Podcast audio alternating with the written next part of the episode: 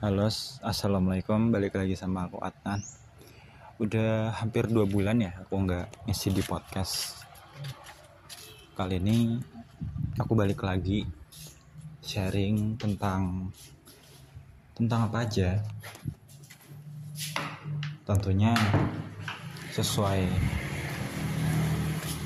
minat aku sukanya apa dan barangkali relevan sama hidupmu tapi hemat kata ya aku bakal cerita tentang self improvement sama self development aku sharing ini bukan karena aku udah hebat atau baik tapi aku juga sebagai nasihat untuk diri sendiri ya tentu aku perlu peningkatan hidup dari hari ke hari gitu. New hope atau harapan baru.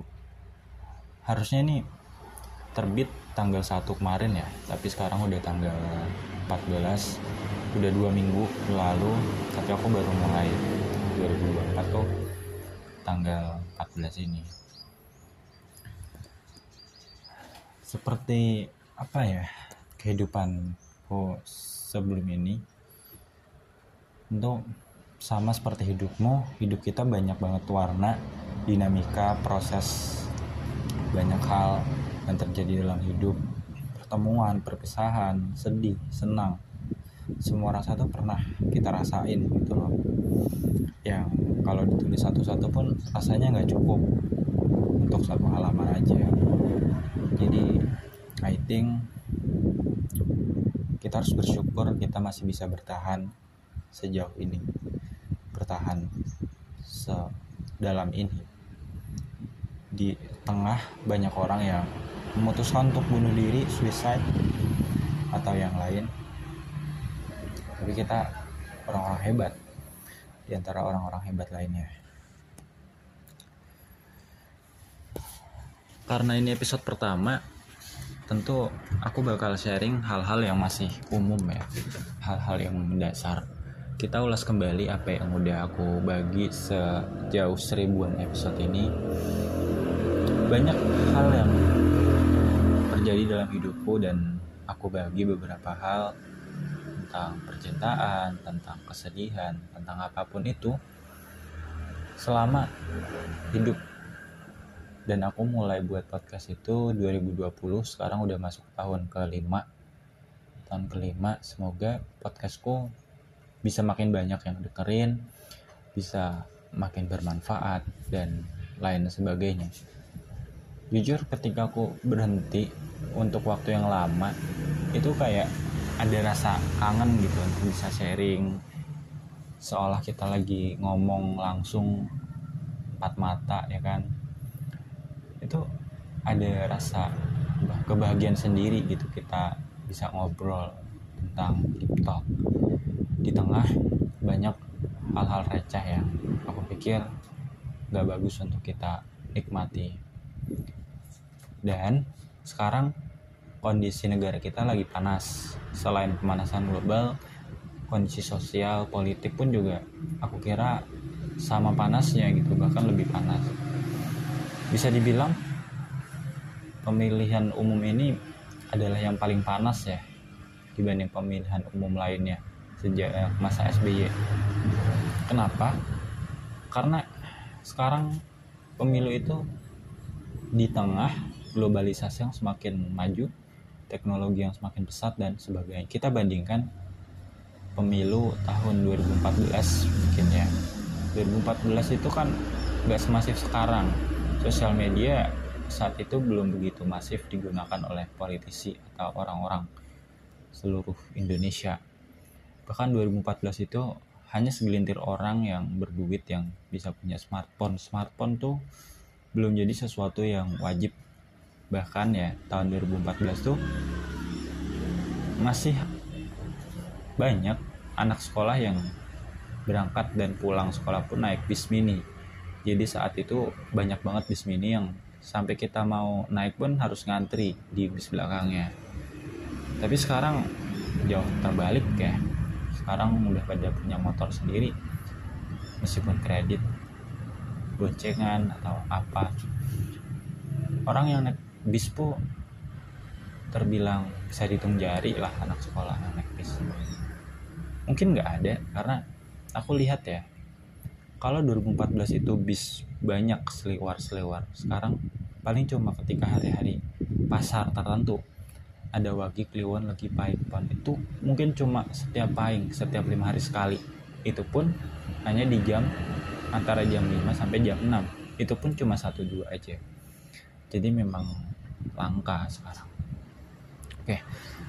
2014 itu macetnya tuh nggak separah sekarang ya. Lapangan kerjaan bisa dibilang masih lumayan lebih gampang dibanding sekarang sekarang tuh susahnya minta ampun.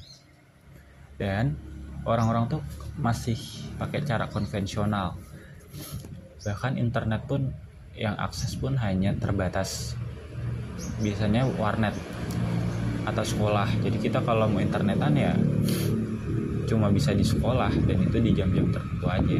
Kalau di rumah pun kalau ada luang ya itu ya di eh, warnet warung internet.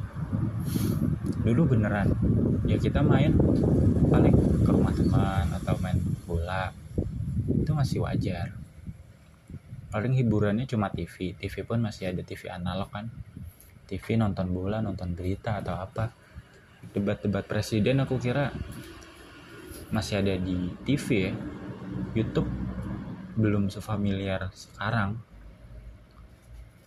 kerjaan konten kreator pun belum banyak dikenal saat itu 2014 tapi sekarang zaman udah jauh berbeda.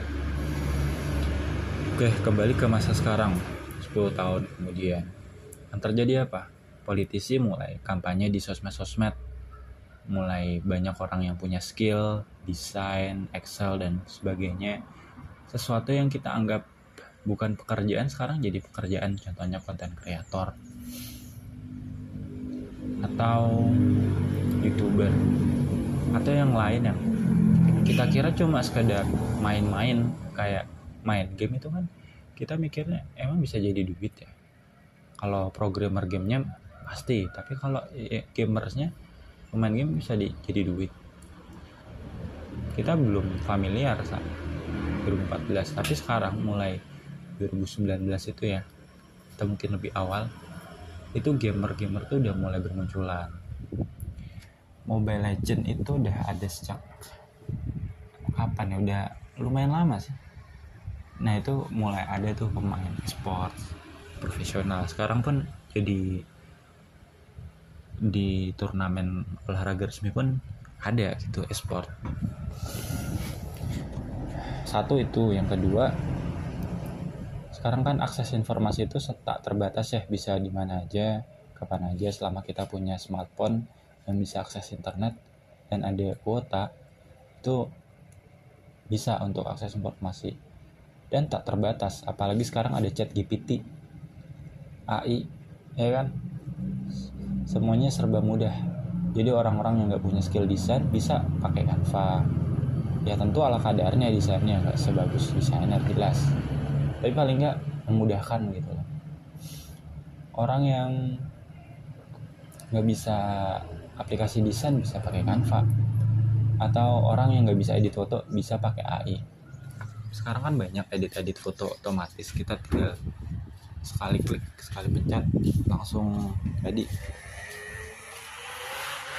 atau kita males beringkes bisa pakai AI tapi ya namanya bantuan tentu nggak se bagus manual nggak se bagus ketika kita mencoba sendiri meringkas. Biasanya lebih kreatif kalau kita membuat sendiri. Ya yeah.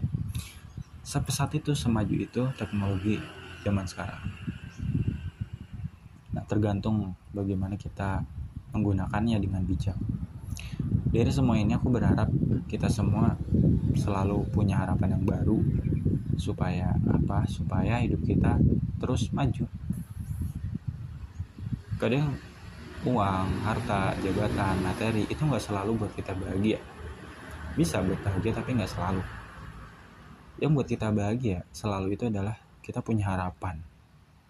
Kenapa orang miskin bisa hidup? Karena mereka berharap untuk bisa jadi orang yang berkecukupan mapan orang kaya yang memutuskan untuk hidup padahal banyak temannya bunuh diri ya karena dia berharap untuk jadi orang yang lebih baik dengan kekayaannya. Sekalipun orang kaya di negeri ini dikit ya nggak nggak sebanyak orang-orang yang menengah ke bawah. Itu aja semoga bermanfaat.